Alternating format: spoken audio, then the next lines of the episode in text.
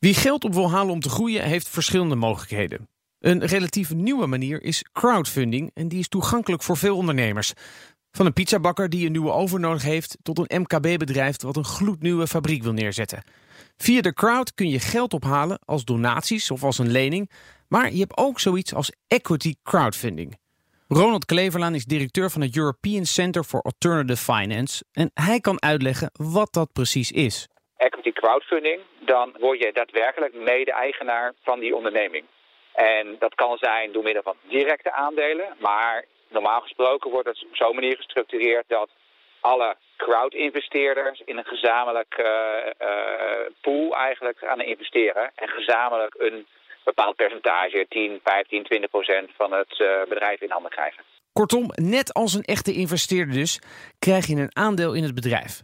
Vooral in Engeland is de markt al redelijk groot. Wat je aan de overkant van het kanaal vooral ziet, is dat ondernemingen op zoek gaan naar een combi. En financiering via een investeerder en financiering via de crowd.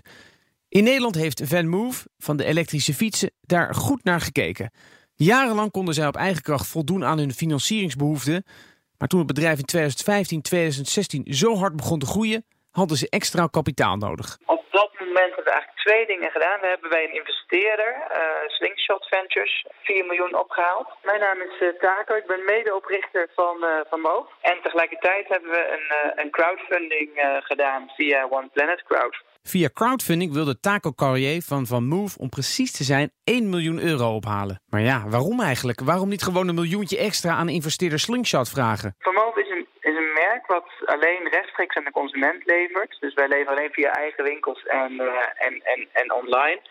En we hebben het gevoel dat we ook uh, zo hard gegroeid zijn dankzij onze rechtstreekse uh, band met de consument. En het voelde voor ons eigenlijk niet ja, niet des van moos. Niet, het voelt niet eerlijk om, om dan met een investeringsronde puur voor uh, ja, het, het, grote venture capital te gaan. En die equity crowdfunding zag er bij de Fietsenboys als volgt uit. We hebben converteerbare leningen uitgegeven. Dat betekent dat de mensen ons in principe het geld lenen totdat er een volgende ronde plaatsvindt. En dan gaan de funders, de crowdfunders, uh, mee. Dus tegen de waardering van de volgende ronde. En dan krijgen ze nog een mooie korting op.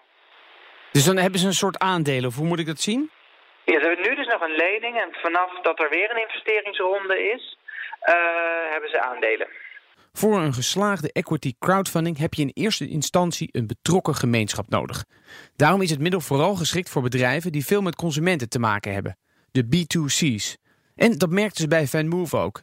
Want ze gingen voor een miljoen, maar binnen de kortste keren hadden ze 2,5 miljoen binnen. En dan rijst natuurlijk wel de vraag, krijgt de crowd niet te veel aandelen in handen? Wij dachten dat dit nog uh, binnen de marge zou vallen, waarbij wij uh, ons belangrijkste doel is om als oprichters uh, de meerderheid van het bedrijf te houden, zodat wij, wij denken dat dat nog een paar jaar belangrijk is.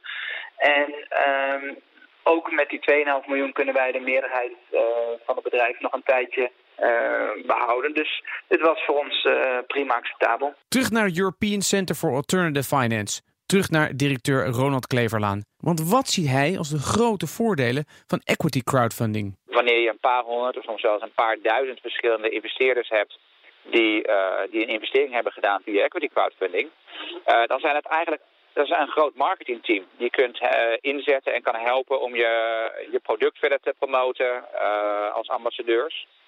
Uh, maar ook voor innovatie. Je kunt zelf inzetten om uh, nieuwe innovatie in je onderneming uh, door te gaan voeren. Om, om mijn vragen te stellen over, over nieuwe productontwikkelingen bijvoorbeeld. En hoe zit het dan met de nadelen? Want het kan natuurlijk niet alleen maar halleluja zijn. Ten eerste is het vaak tijdrovend. Want een equity crowdfunding campagne moet je goed voorbereiden. Zeker als je veel financiering wilt ophalen. Dat betekent ook vaak dat je publiek moet gaan. Dus het zorgt er ook voor dat je ja, niet uh, achter de schermen kunt opereren. Je gaat toch uh, in, het, in het grote publiek je, je bericht neerzetten, dat je financiering aan het zoeken bent. Dus dat is voor veel ondernemers vaak een, een lastige stap om die oors te nemen. En daar zit wel een afbreukrisico in. Want ja, als je het bedrag wat je wilde hebben niet haalt, sta je toch voor paal.